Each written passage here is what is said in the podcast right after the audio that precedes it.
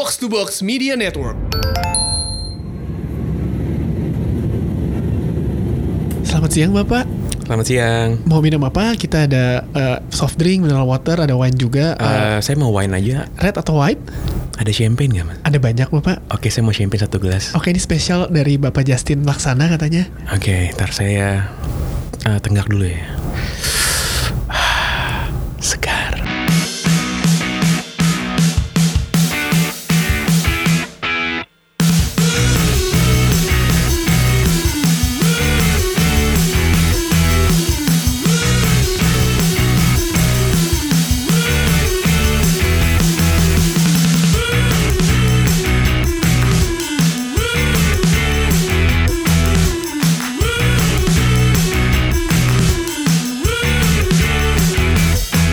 Katro-katronya Manchester United nggak mungkin lebih katro dari Arsenal. Udah gue bilang nggak percaya sih. Songongnya minta ampun Sekarang sekarang. sekarang ya sekarang poinnya tuh udah sama. Sebulan yang lalu beda 8 poinnya. Jadi emang ada hal-hal yang tidak tertahankan. Enggak, ini gue dizolimi. Sebuah keniscayaan.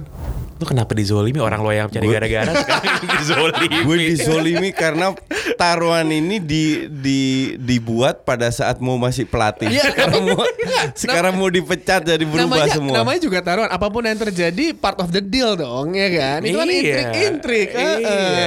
Tapi Ini- emang kok- ada dalam klausul itu. Nggak ada dalam klausul. Eh, ini yang bikin bumbu-bumbu, coach. eh, Tapi semua akan berubah, santai aja. It's not over till it's over. Iya, yang berubah Arsenal. Arsenal. Iya, Sekarang betul. peringkat 5 peringkat bisa peringkat 6. Lebih canggih Arsenal. Arsenal kalah lawan lawan West West Ham. Ham, ya kan? Declan Rice gila lu. kalian nggak sadar kalau kalian di fur ya sama Arsenal. Ya, dia dihibur. Nih, sebagai perbandingannya coach, Arsenal unbeaten 22 pertandingan. MU eh, apa namanya awal musim paling buruk sepanjang rekor sejarah mereka. Tapi poinnya sama. Ya ini berkat gimana si dong? Mo dipecat. Emang ini yang mencatmu ini harusnya gue sumpahin mandul nih. Tapi emang kalau misalnya pas eh, apa United mencat eh, Mor- apa Mourinho, Justin mukanya berubah loh. Dia lebih lebih takut nih, lebih takut Langsung sekarang. Iyalah ya. dari awal gue udah takut anjir bener-bener dipecat. Dia Justin lebih santun sekarang, lebih santun sama MU dulu. Pas kemarin lo dengerin podcast eh, box box awal-awal deh, itu Justin mulutnya nggak nggak apa ugal-ugalan banget kalau ngatain MU. Sekarang tuh lebih santun. Gue gak nggalin gue bicara sesuai fakta. Yuk. Cebong panik. gue bicara sesuai fakta. Dan, Hmm? dan kan gue bilang di di podcast berapa kali, gue udah nggak nggak mau peduli dengan City dengan Liverpool karena mainnya tet- tetap gitu-gitu aja bagus dan tetap eh, going strong lah. Tapi MU ini yang bahaya nih dan terbukti omongan gue kan kampret itu harusnya si Mourinho itu bener-bener harusnya seperti yang lu bilang ya nggak bakalan dipecat. eh dipecat juga. Nanti kita ngomongin MU belakang. Ngomongin Arsenal dulu. Ngomongin Arsenal dulu. Gue nonton eh, gue nonton yang banyak tuh kayak 60 menit lah. Ehm, Lu, nonton lebih banyak daripada gue. West Ham kan eh Arnautovic, Felipe Anderson sama Nasir. Nasir. Nasir. Nasir balik lagi. N- Nasir itu mainnya kemarin itu kayak nenek-nenek 90 Eh, tahun. bagus, Jal- Bagus mainnya. Bagus tapi jalan doang. Iya emang kayak gitu. Iya. Nasir Nggak- emang dulu kayak gitu. Ini namanya juga Nasir. iya, ja- jalan doang nggak ada sprint-sprintnya. Tapi memang bagus, setuju. Itu bertiga di sepertiga defense Arsenal ya. Tektokan triangle gitu mereka kan. kayak gitu terus kan. Iya. Tektok tektok tektok bener-bener dikadal-kadalin gitu Arsenal. Dan golnya Declan Rice gol pertamanya si ini ya, gol pertamanya dia buat Ham langsung main selebrasi. Lari. Se- Sebenarnya Arsenal tuh main sama buruknya pas lawan Liverpool. The Hmm. point is West Ham-nya katro juga. West Ham-nya babak pertama itu banyak peluang tapi karena katro passingnya end passingnya nggak nyampe.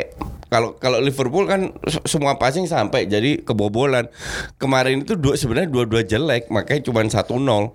Tapi Arsenal parah. Plus eh, pelatih lo ini sih coach marahin Ozil mulu. Gak dimainin sih. Oh, Nggak dimainin. dibawa, dibawa saja enggak. Udah tahu. Nah inilah sekarang Emery itu dalam persimpangan apakah dia pelatih hebat atau tidak karena Katanya hebat ya, musim hebat. Enggak just, just, justru dia- ya kalau dibanding Wenger ya jelas jauh di mana-mana pelatih mana pun lebih hebat dibanding Wenger.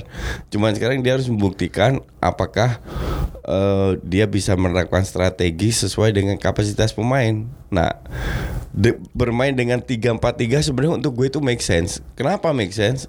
Karena dia tahu bahwa lini belakang Arsenal kan katro ya kan? Makanya dia berharap bahwa Niles sama uh, Kolasinac juga turun. Jadi mereka pada saat diserang ada lima back di belakang antisipasi untuk bola panjang bola atas dan lain-lain. Cuman ya gitu kan namanya katro pemainnya susah juga. Lu mau jadi eh, pelatih lu mau terapkan strategi apa pun ya katro. Ini ini dibilang katro-katro ntar Aaron Ramsey main di Juventus juara liga kan. Bisa juara champion mampus kan. Eh, gua gua rasa Yuda main di Juventus juga tetap juara tuh. Dia tuh si Aaron Ramsey bakal jadi pemain termahal nomor 2 kan? Iya. Di Oh, bawah di- Ronaldo. Di, di bawah Ronaldo ya. Di bawah Ronaldo di atas Dybala men. Bisa bayangin loh. Tapi di atas Dybala gaji cuma 8 juta kecil dong, nggak gede-gede amat. 140 ribu deh. Eh 100 Ya, sekian puluh ribu Buat buat 8 juta semusim. buat ukuran Italia tuh udah gede. Buat ukuran lagi. itu Kalau di Oh, bawahnya oke, oke. itu itu itu di bawahnya si di, di bawah Ronaldo kalau nggak salah. Di atasnya Dybala. Iyalah, Ronaldo 30 juta. Iya di atasnya Dybala dia ya, gaji ya. namanya juga Juventus kalau ngomongin Juventus kan mereka selalu beruntung mendapatkan pemain yang gratis kan. Paul Pogba, Andrea Iya. Pirlo ya kan. Enggak, sekarang sekarang gi- gini, gi- gini deh. Mereka keluar 8 juta semusim, oke? Musim depan dijual dengan 15 juta, masih untung, men. Gak mungkin dijual Gak sih. mungkin dijual. Satu juta persen dijual, yakin gue. Gak mungkin. Ini lah. pemain nggak akan survive di Juve. Serius. bold, di bold, di note ya. Iya. Ntar musim depan kita putar lagi nih. heeh. Musim depan gue yakin dijual. Kepa, ke, tak tahu ke mana? Ke Fulham yang yang berani bayar 20 juta. 20 juta buat Inggris is nothing, ngerti nggak? Tapi kalau gue bilang dengan kualitas nggak bakalan survive. Aaron Ramsey itu keren, Rambo. Rembo. heeh. Welsh Wizard. Apa yang keren gue tanya Welsh sekarang? Wizard. Euro Pas waktu Euro 2016 jago Ya loh mainnya. elah. Euro 2016 Ramsey nggak main, Walesnya berantakan cuy. Iya. Lagian dia minta gaji ditambahin gak dikasih sama Arsenal. Buset, itu pemain nggak usah gaji. Dia mau bayar aja gue pecah juga tuh. Emang kenapa sih kok segitu benci sama Ramsey? nggak benci gini udah bertahun-tahun kalau orang yang ngikutin gue pasti tahu ada beberapa pemain Wenger yang gue bilang bener-bener overrated. Yaitu Ramsey, Wilshere, Welbeck Iwobi baru akhirnya tapi tiga pemain itulah pas pas pas Welbeck di MU pun gue bilang dia pemain buruk Wilshere udah out sekarang Re- Ramsey dan dan bukan hanya sebenarnya bukannya mereka bertiga tapi mereka bertiga itu untuk gue terlalu overrated semua orang bilang bagus ini Wilshere ke mana sekarang dan Wilshere main di mana sih? Main di West Ham ya? West Ham nggak dan dan lu lihat kita lihat setahun ke depan semua akan bilang oh ya ternyata coach bener. Ini pemain emang buruk asli gue nggak dia adalah eh, se- central midfield, attacking midfield kayak Ozil lah. Nah lu bandingin sama Ozil lah dan dan dia kan bedanya bumi dan langit. Sprint nggak bisa, kerja keras nggak bisa, skill nggak punya, Rambutnya bagus shooting pas-pasan, heading nggak bisa. Jadi pemain Rambutnya apa? bagus tapi. Siapa? Aaron Ramsey. Iya. Ganteng, ganteng. Stylish. Cocok lah main di main di Italia masih gitu kan. Masih apa namanya? Iya. Pom- Pomade Ka- masih serauk. Betul. Makanya tahun depan dijual karena gak ada guna. Tapi hal yang paling penting golnya Marcus Rashford. Hmm, mem- itu umpan dari, Dari Pogba. Pogba membelah sanubari pertahanan dari Tottenham Hotspur. Untuk gue membuktikan bahwa gue di di video gue dibully bahwa kan gue bilang Loris itu pelat ki- kiper mediocre. Wah dibully abis gue. Wah goblok lu nggak tahu Loris nggak tahu ngerti kiper bah. Nah sekarang kembali terbukti dan ini bukan pertama kali bahwa Loris itu memang mediocre. Tapi tiga kali save Tiga kali save Pogba. Pogba dia. dia. eh kiper itu tugasnya apa sekarang kalau nggak melakukan save? Kecuali lu melakukan save kayak De Gea ada tiga empat yang sangat penting. Eh. Kalau itu Loris Eh, itu akan jebol. Harus sopan ngomongnya. Santo De Gea. Santo. Ja- ja- jadi kalau dibilang kiper melakukan save, ya emang dia dibayar di save. Kecuali dia bisa cetak gol itu baru istimewa. Kalau nggak save terus apa tugasnya? Iya kan? Nah kecuali memang lu punya extraordinary seperti kiper seperti eh, Kepa, eh, eh, Ellison dan lain-lain. Ederson, nah termasuk De Gea punya nilai tambah ada berapa? Se- Sebenarnya kalau di- orang bilang 11 saves kan, yang benar-benar penting yang hanya bisa De Gea dan kiper top dunia melakukan itu hanya 2-3 saves. Yang lain mah save save biasa yang semua kiper kiper normal juga bisa, kecuali namanya Loris baru jebol. Juara dunia coach. Itu sudutnya sempit loh. Yang mana? Oh iya iya iya iya, bener. Dan dia ngincer ke tiang jauh kan. Iya dan si abis pertandingan eh press con si Oli juga bilang, gue kaget si Solskjaer ngarena ke situ. Dipikir bakal ngarena Si ke kirinya si Rashford, ya. eh, Loris kan. Ternyata jaraknya jauh itu emang agak susah kan sebenarnya dan ya Lorisnya juga mungkin berpikirnya bakal ke kiri kali salah perhitungan juga. Gini ya.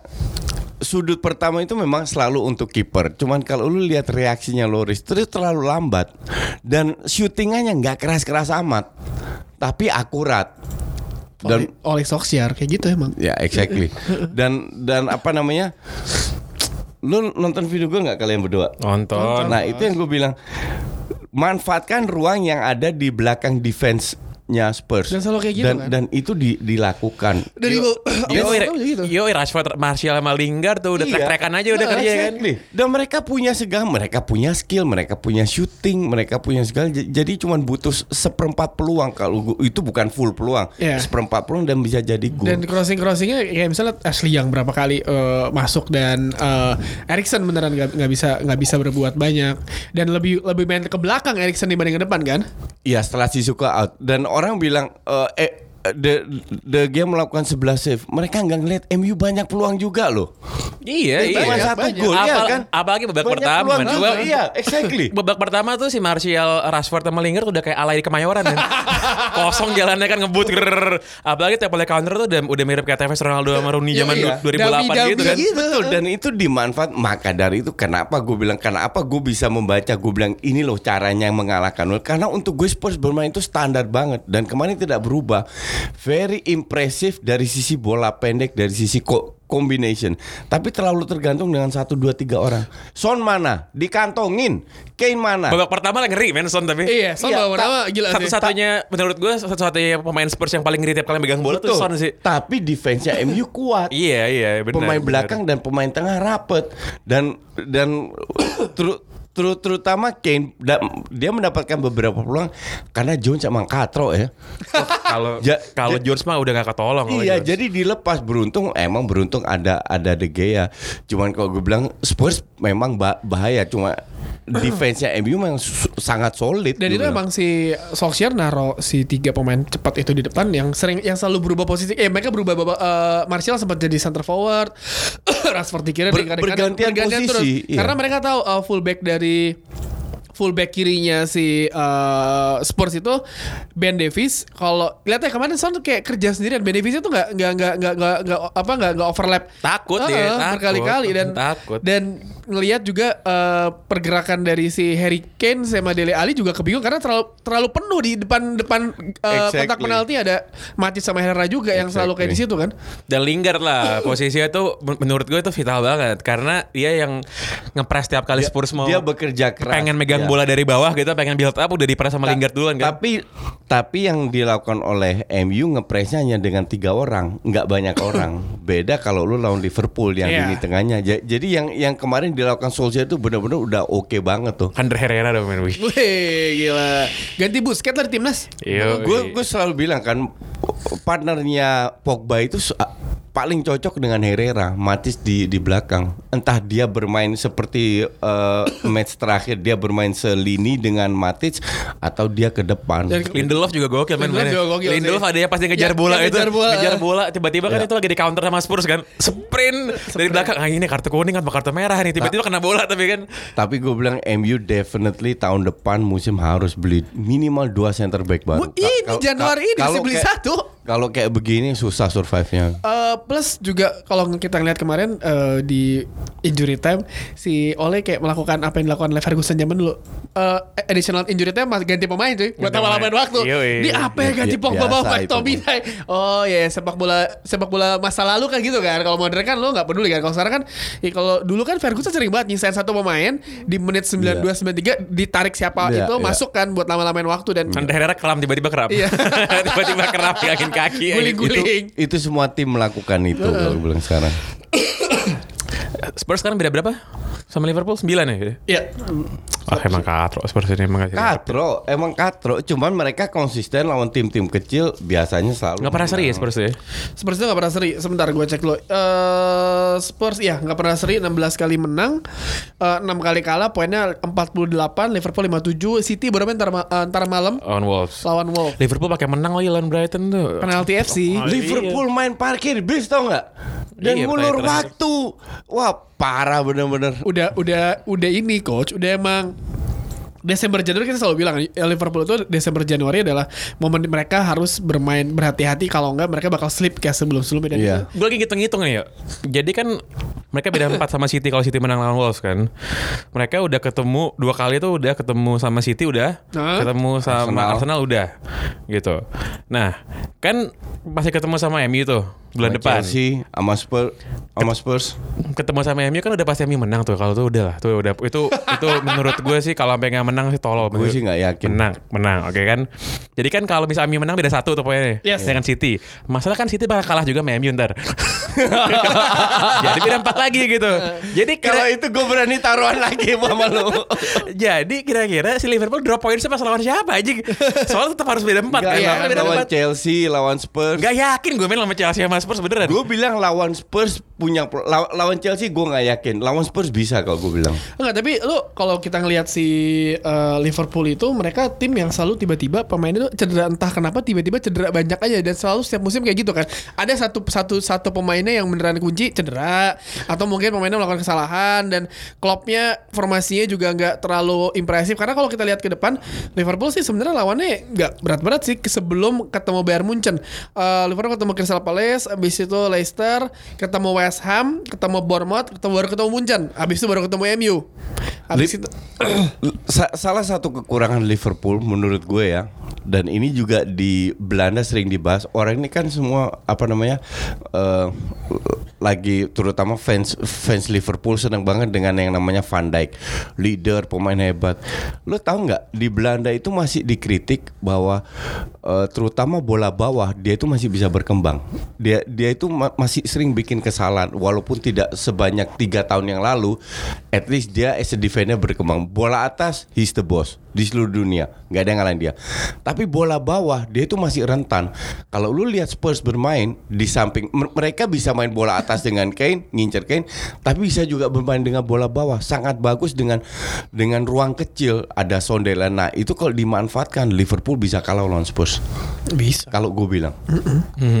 Poin pelan tapi pasti. Kalau dengar Solskjaer ngomong kan, ya pas kita pertama kali da pertama kali gue datang beda 10 poin, hmm, nggak make sense. Sekarang ini ya sekarang ya sekarang beda 7 sama Enam. Beda enam. Beda Beda 6 enam sama Chelsea. sama urutan 4 make sense lah sekarang bisa lah bisa. We can make it. We can Enggak, make it. sekarang ka- kalau kalau kalau kita realistis dua match terakhir yang dimainkan MU nggak main bagus loh. Iya. MU nggak main bagus. Nah sekarang pada saat MU satu dua kali kalah, perubahan apa yang dilakukan oleh eh, oleh Tapi ini gua- da- dari sisi Iya. tactical terutama. Tapi ini gue bukan uh, mengungkit-ungkit uh, Fergus zaman Ferguson. MU pas zaman Ferguson ada mainnya main bagus ketika ketika ketemu tim-tim kecil seperti gue bilang. Ketemu tim-tim gede mereka mainnya hati-hati dan tidak terlalu menarik untuk ditonton pertandingannya. Tapi hasil akhirnya uh, selalu kayak Atletico Madrid lah. Atletico Madrid main pragmatis ujung-ujungnya tiga poin juga kan. Ini Iya, kan iya, iya. satu musim yang panjang kan. Iya, lo betul. menang kalah satu poin misalnya lo main atraktif tapi lo tetap imbang dua sama main uh, sloppy di uh, defense.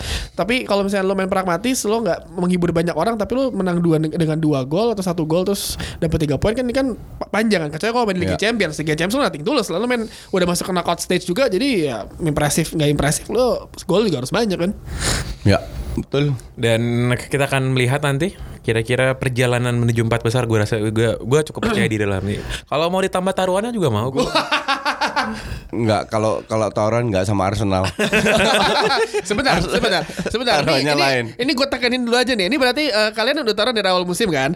Taruhannya adalah kelas bisnis Ke Singapura. ke Singapura, PP, plus hotel. Enggak. Enggak. Dia dia dia gue tawarin pas Arsenal di atas dia gua- dia gue tawarin. Jadi kalau lagi kalau lagi main poker gue raise deh nggak mau dia nggak Enggak, mau. karena gue tahu mau bakal dipecat. Coba gue nggak tahu. Ini sih kalau seandainya masih tipis eh, perbedaan antar Arsenal dan MU mau nggak bakalan dipecat. Nah katronya kan dia emang katro sih. Terus dia dipecat ini yang bikin Lo bayang- berubah lo semuanya. bayangin, pas pas beda 8 dia gue tawarin mau gue naikin nggak ini ya gue bilang Enggak, nggak gua mau di nggak pas mau, beda karena gue 8. tahu mau ini bakal dipecat kan permainannya udah ancur-ancuran.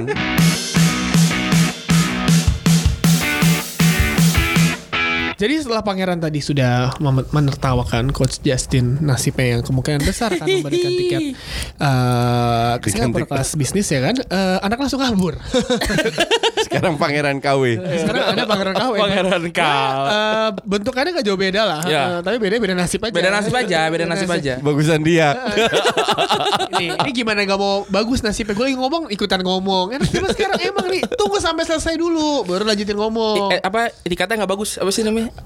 Apa Apa Apa etiketnya eh, etiketnya tidak bagus Ya eh, penggantian makanan sehat yang sedang dia turun dia lagi bisnis ini kan lagi bisnis eh, ke cupang di bawah. Oh iya. bisnis bisnis cupang jadi dia ketemu investornya eh, mau bikin ternak cupang jadi nggak bisa yang ganti sekarang eh, ini eh, juragan ini juragan pelet. pelet buat eh apa tuh Eh, makanan apa nih? Pelet buat ikan. buat ikan buat ikan mereknya Tapi- Sinta Eh, eh, terus eh, tapi yang sekarang ada rasanya gitu rasanya barbecue. Oh. Ada Randi dari daerah Tropos karena kita Hai. nggak ada pilihan lain ya eh, selain Randi jadi kita panggil Randi aja. Ran apa kabar Ran? Alhamdulillah baik Nggak, Kebetulan Randi ada di sini. iya baru datang tadi Randi di sini masuk. Gara-gara tadi dia lagi makan nonton Lagi makan, lagi loh. makan sate. Eh, katanya lagi diet. lagi diet sekarang makanya makan sate kan kata Bang Tio suruh makan Pakai sate. nasi. oh gitu nggak boleh ya Nggak boleh. Oke, ntar ulang lagi deh.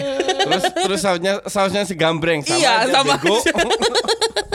Jadi gini, eh Randi ini kan juga salah satu fans Barcelona. ya? Barcelona. Ini depan gue fans Barcelona. Yoi, nih. yoi, yoi. Eh, Kalau ya, apa sih akrab? Eh, emang so akrab nih. Akrab Eh, banget. eh, musim ini kan Barcelona kemarin gue semalam gue siaran sama kita eh, Barcelona lawan Eibar. Iba. Eibar. Eibar itu mainnya eh, barbar. Bagus. Barbar ya. Iya. Eh, permasalahannya mereka eh, pemain belakangnya tuh suka semau mau mereka aja Nggak, ka- jaganya. kalah kualitas Kalah kualitas. aja. Tapi mereka nggak ada takut-takut sama ini Betul. Parah betul. bener bener. Betul. Bener. Dan berapa kali dan sering banget ya mereka tuh 83 kali umpan di kotak penaltinya masuk ke lini ketiganya Barcelona utak atik tapi penyelesaiannya emang eh, eh, eh, kuda aja nggak ada ya kan.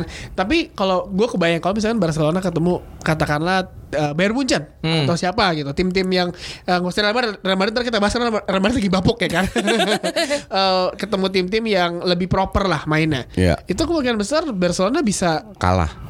Ya enggak se- sebenarnya tergantung kalah menang kan semua tergantung Messi. Iya. Kalau Messi Suarez lagi mood banget, selesai semua tim di seluruh dunia di di di seluruh planet yang ada ya. Bener bener bener. Tapi ya mereka juga manusia juga pemain. Tapi kalau dan gue sering lihat Messi itu bermain nggak mut-mutan. Kalau dia ngelihat pemain-pemainnya dia nggak serak, udah malas-malesan dan itu selesai. Gue- Lawan gue ingat- siapa pun di Champions League selesai Gue ingat musim lalu Barcelona tuh kalah sama Ibar ya di New Camp di Camp di Camp Nou ya kalah ya satu dua yang golin Takashi Usami dua Iya. gol. Lu kalau ngomong jangan kayak Inlander New Camp, Come Now. Camp Nou oke. di Camp Inlander. Mentalnya Inlander memang. Lanjut.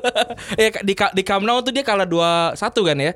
Eh, dua gol Takashi Usami terus gue kemarin ngelihat siapa strikernya E- En- Erlich Erlich siapa? Henrich Ya itu itu juga juga punya potensi yang sama dan untungnya ada kemarin ini kuku Iya, Kukurela, Kukurela itu dan itu juga keren banget. Tapi untung Kemarin kemarin masih milik Barca. loh. Masih, masih, masih, masih, Kemungkinan masih. musim depan sih dia balik. Iya, ngegantiin ngegantiin Alba ya. Heeh. Eh, ter- yang untungnya kemarin Pique akhirnya main dengan bener gitu. Setelah satu musim ini mainnya biasa aja tadi musim apa namanya eh, kemarin malam mainnya bagus. Semalam gue ngeliat Pique agak eh, sedikit ber eh, ngobrol sama Valverde pasti abis gol siapa gitu. Oh iya, gol kedua Gol kedua eh, si Valverde manggil Pique kan ngobrol kayak agak debat sedikit kayak Valverde jelasin lu mesti gini, mesti gini, mesti gini. Justru Valverde dimaki-maki sama Pique, di, diajarin cara main bola bener kayak Iya, gimana. benar benar benar. Kemarin mainnya soal bagus banget ya Pique ya akhirnya. Akhirnya. Gak tau gue sekali lagi ka- kalian tau lah untuk gue sih nggak penting menang kalah ya Iya. Ju- juara dan lain-lain. Tapi gue gue melihat yang bikin gue bener-bener kesel marah kecewa dan lain-lain adalah si anjing ini men- menaf- menafikan filosofinya Barca. Iya. Jadi untuk gue bukan cara menang. Kalau dulu zaman Pep Messi punya peran penting, fine, nggak ada masalah. Iya kan? Hmm. Tapi sekarang itu 99% tergantung Messi. Iya, benar. Kalau nggak dia nothing. Dan dan mereka boleh di rank satu Tio. Tapi kalau lu lihat permainan mereka dari match pertama sampai sekarang itu benar-benar kayak eh eh kayak pantat. Ancur-ancuran, nggak ada bagus-bagusnya sama sekali. Bahkan waktu lawan Madrid menang 5-1 coach. Bahkan lawan itu karena Madrid lagi ancurnya Oke. ancur. Keta- Hancur ketemu hancur ya. Iya, ancur ketemu ancur dan dan murni karena magicnya Messi itu aja. Ya dan dan semalam tuh sebenarnya Barcelona bisa menang lebih dari tiga ya kan? Bisa 8 gue gue catat tuh kayak ada Os- Osman Osman Dembele kebanyakan main FIFA kali ya. Udah masuk di eh, pinggir kotak penalti bukannya crossing ke depan, crossing ke belakang nih. Iya, kayak main iya. FIFA. Enggak, ta- tapi itu kan tipikal Barca dan itu juga dilakukan Alba dan udah Enggak, kayak, enggak. kayak kayak main futsal Iya, gitu loh. Ini sih eh, Dembele tuh udah berdiri udah kayak running udah gak ada yang jaga. Iya, betul. Tapi dia, dia ngeliat Messi di belakang tapi umpannya Iya. berantakan Benar. ya kan? Ah. Iya, di- dia dia masih belajar lah. Cuman kan ka- kalau sana ini bukan Barca, pemain itu akan shoot. Bener. Ya kan? Dan sekali-sekali nggak ada salahnya juga shoot kalau gue bilang. Cuman na- namanya juga Barca ya, dia harus passing kembali. Dan kebetulan Messi nggak dapat bolanya. Kalau Messi dapat bola, gol juga itu. Gol juga, gol juga. Tapi it- it's not about menang 3-0 ini kan karena ada tiga momen di mana babak kedua ada mo- ada momen sekitar 10 15 10 menitan lah di mana Barca menggila. Iya. Melakukan pressure habis itu gone diserang lagi. Karena babak pertama yang berantakan. Iya, iya. Babak pertama yang berantakan banget. Dan si Eibarnya juga pas em, berapa 10 menit atau ya 10 menit terakhir mereka udah berani Bener. berani untuk nyerang tanpa bodoh amat. Iya, Eh, gue kalah, betul. udah pasti kalah. Udah pasti sini. kalah, iya, betul. Nah, gue nyerang aja. Ka- jadi karena mereka mereka kan murni kalah kualitas, Iya. tapi nggak kalah strategi. Enggak. Iya, Iya kan? sih. Nah Benar. inilah kalau lu mau jadi tim hebat di dunia, lu harus punya strategi bagus, kualitas bagus. Barca punya kualitas, strategi ancur-ancuran. Iya. Nah akhirnya main mengandalkan kualitas. Karena bener Tio, gue gue lupa lawan match siapa. Gue pernah lihat di mana Messi ngelihat temen-temennya nih, ah bapuk semua, malas-malasan dia. Dan di situ Barca kalah. Kan gila lu sa- sa- satu tim tergantung di Pep nggak ada cerita. Iya. Messi pun main jelek tapi nggak kelihatan. Iya. Sisanya main bagus. Mungkin perfeksionisnya Pep kali ya. Enggak, Barca itu begitu. Oke. Filosofi Barca dari zaman Johan Cruyff adalah bermain indah, lu entertain, banyak ball possession dan menang. Dan menang. Dan menang itu mem- memang tetap penting. Menang Iya. itu bagian dari filosofi. Iya. Dan- nggak ada yang bilang nggak penting. Eh, dan gue inget yang yang nggak saja pas gue, gue- kita kita bisa pernah nonton si eh, eh, dokumenternya Bobby Robson kan Iya, dia iya. menang menang 5 atau berapa 5 gol tapi dibuin sama penonton ya Iya, karena oh emang iya, benar. karena emang Iya. penonton eh, fans dari Barcelona ya Barca bukan tim biasa tetapi Iya, betul. musim ini di tangan Valverde orang banyak yang bilang Barca jadi tim biasa Jadi tim Eh, biasa. eh, jadi Iya. tim Plus biasa. Messi. Heeh. Iya, betul. Tim biasa betul. plus Messi betul. Iya, Heeh. betul. Dan eh, lawan Eibar kan mereka tidak pernah terkalahkan. Messi akhirnya semalam cetak per- gol ke 400, Ke ya kan. 400 ya. Dan gol ke 13 atau dua- 13 ke gawang Eibar. Eibar. Jadi menurut gua ya emang Messi sentris banget Iya. Eh, musim ini Messi nggak ada lu ber- eh, bingung loh.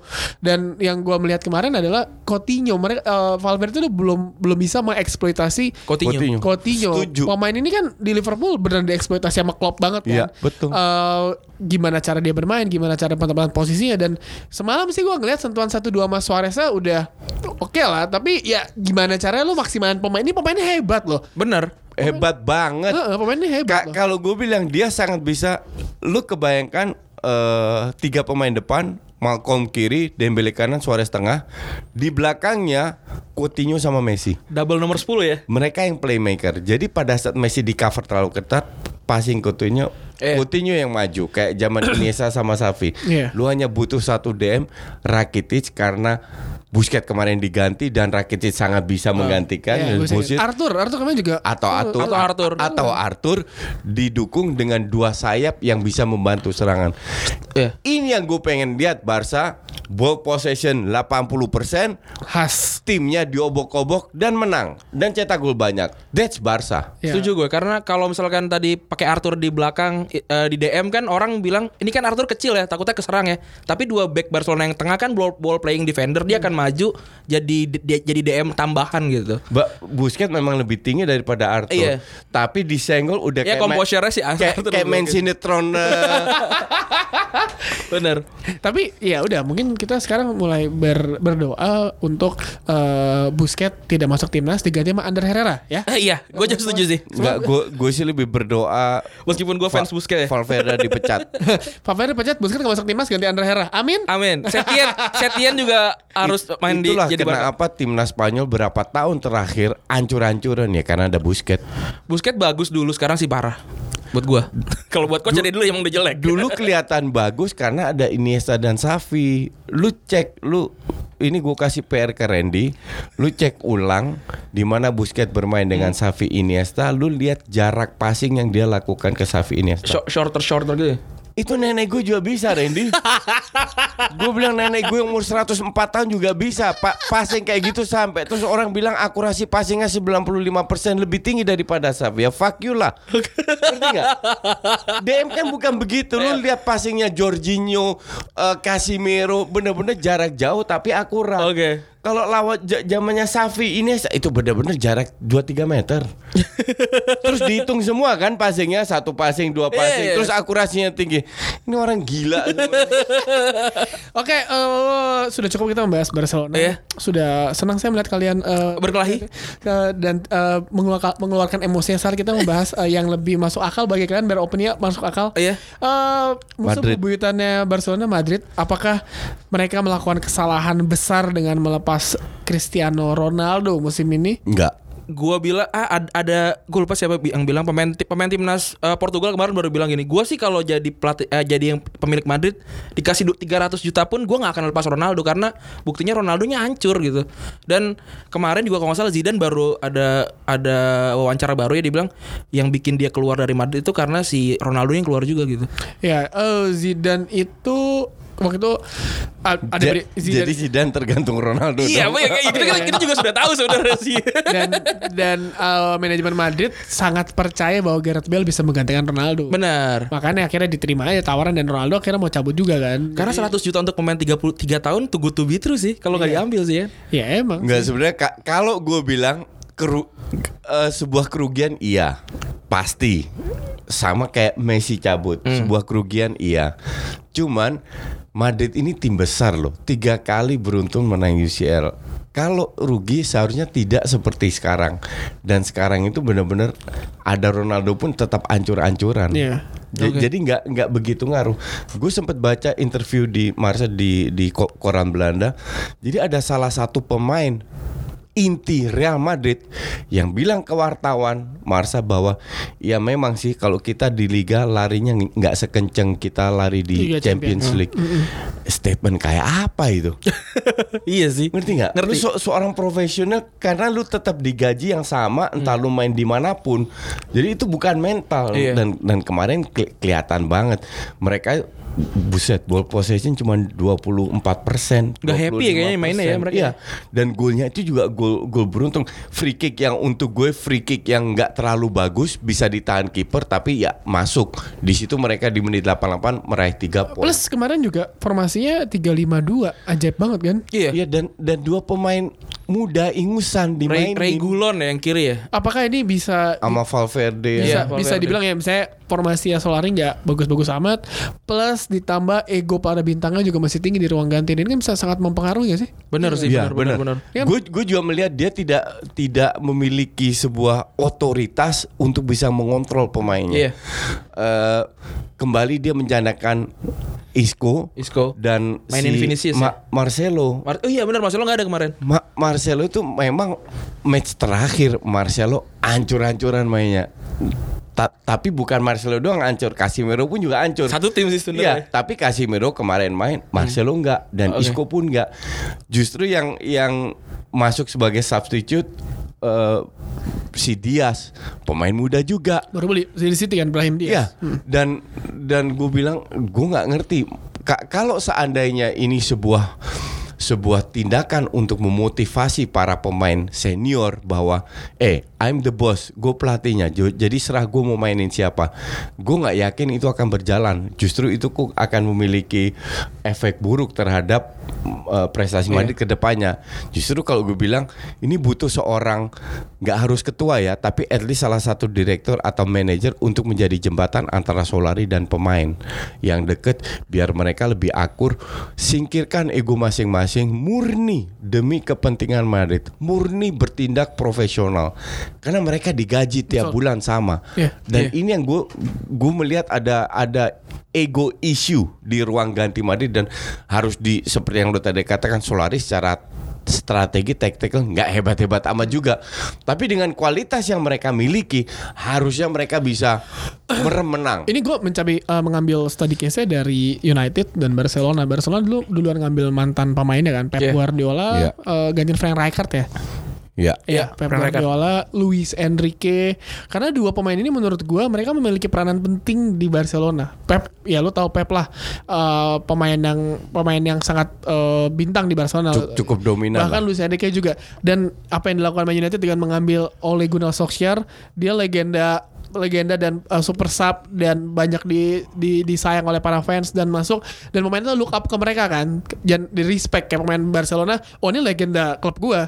Iya, tapi nggak nggak selalu berhasil. Iya, apakah apakah ini juga terjadi? Misalnya di ya di Madrid eh, sorry tuh saya eh, Santiago Solari saat itu namanya nggak terlalu bersih. Gue cuma ingat Santiago Solari nge- ngelewatin Henning Berg doang 99 tuh ngegocek bisa nyetak gol Raul Eh, nggak se, se nggak nggak sebesar nama-nama seperti Raul, Guti Hernandez. se- se- se- sebenarnya kalau kita bicara nama besar itu efeknya mungkin tidak hanya sejenak, tidak selalu oke karena toh itu masa lalu. Kita tetap saling respect. Tapi kalau lu tidak bisa menunjukkan hanya aura lu sebagai leader ada sebagai pemain besar, tidak menunjukkan lu punya kapasitas untuk menjadi pelatih, lama-lama pemain akan Tapi- juga. Kasusnya persis apa? AC Milan. Ah, Eh, ya, tapi gua rasa memang untuk tim besar kayak Real Madrid bukan cuma taktikal yang dibutuhkan, tapi tapi memang motivasi dari pelatih ya. Karena di MU juga kan taktik sebenarnya nggak begitu banyak berubah. Kalau kita kalau kita lihat ya gitu-gitu aja oleh sebenarnya. berubah combro. Bandemo, Ah. berubah banget. Enggak taktik kan maksudnya enggak enggak enggak- Berubah enggak banget, taktik taktik taktik taktik yang se- sebenarnya kan gini apa namanya yang yang yang Real apa Real Madrid lagi Manchester United itu berubah banget adalah si pemainnya itu masih apa jadi mau main lagi sebenarnya. Enggak, ta- Tapi iya betul. Iya kan? Tapi Betul. dari kan? ta- taktik Betul. juga berubah Ya, taktik, banget. taktikal taktikal ya berubah dari dari defensif ke attacking ya memang Revisi tapi dulu omongannya. Revisi dulu Iya omongannya. enggak taktik taktikalnya enggak banyak berubah. Banyak berubah combro jadi ningrat. Kalau menurut Ba- gua sih enggak. Banyak Randy. Banyak. Ja- Jadi kalau kita bicara MU tadi, tactical berubah, keinginan pemain Juga berubah, ada. Oke, mungkin- kapasitas iya. itu berubah. Tapi Jadi banyak di, yang berubah. Di, di- di Real Madrid kan juga sebenarnya taktik juga sebenarnya nggak banyak berubah tapi eh, nggak kayak MU tadi. MU tuh berubah semangat mainnya gue ngeliat banget Ra- Rashford mainnya jadi Iya.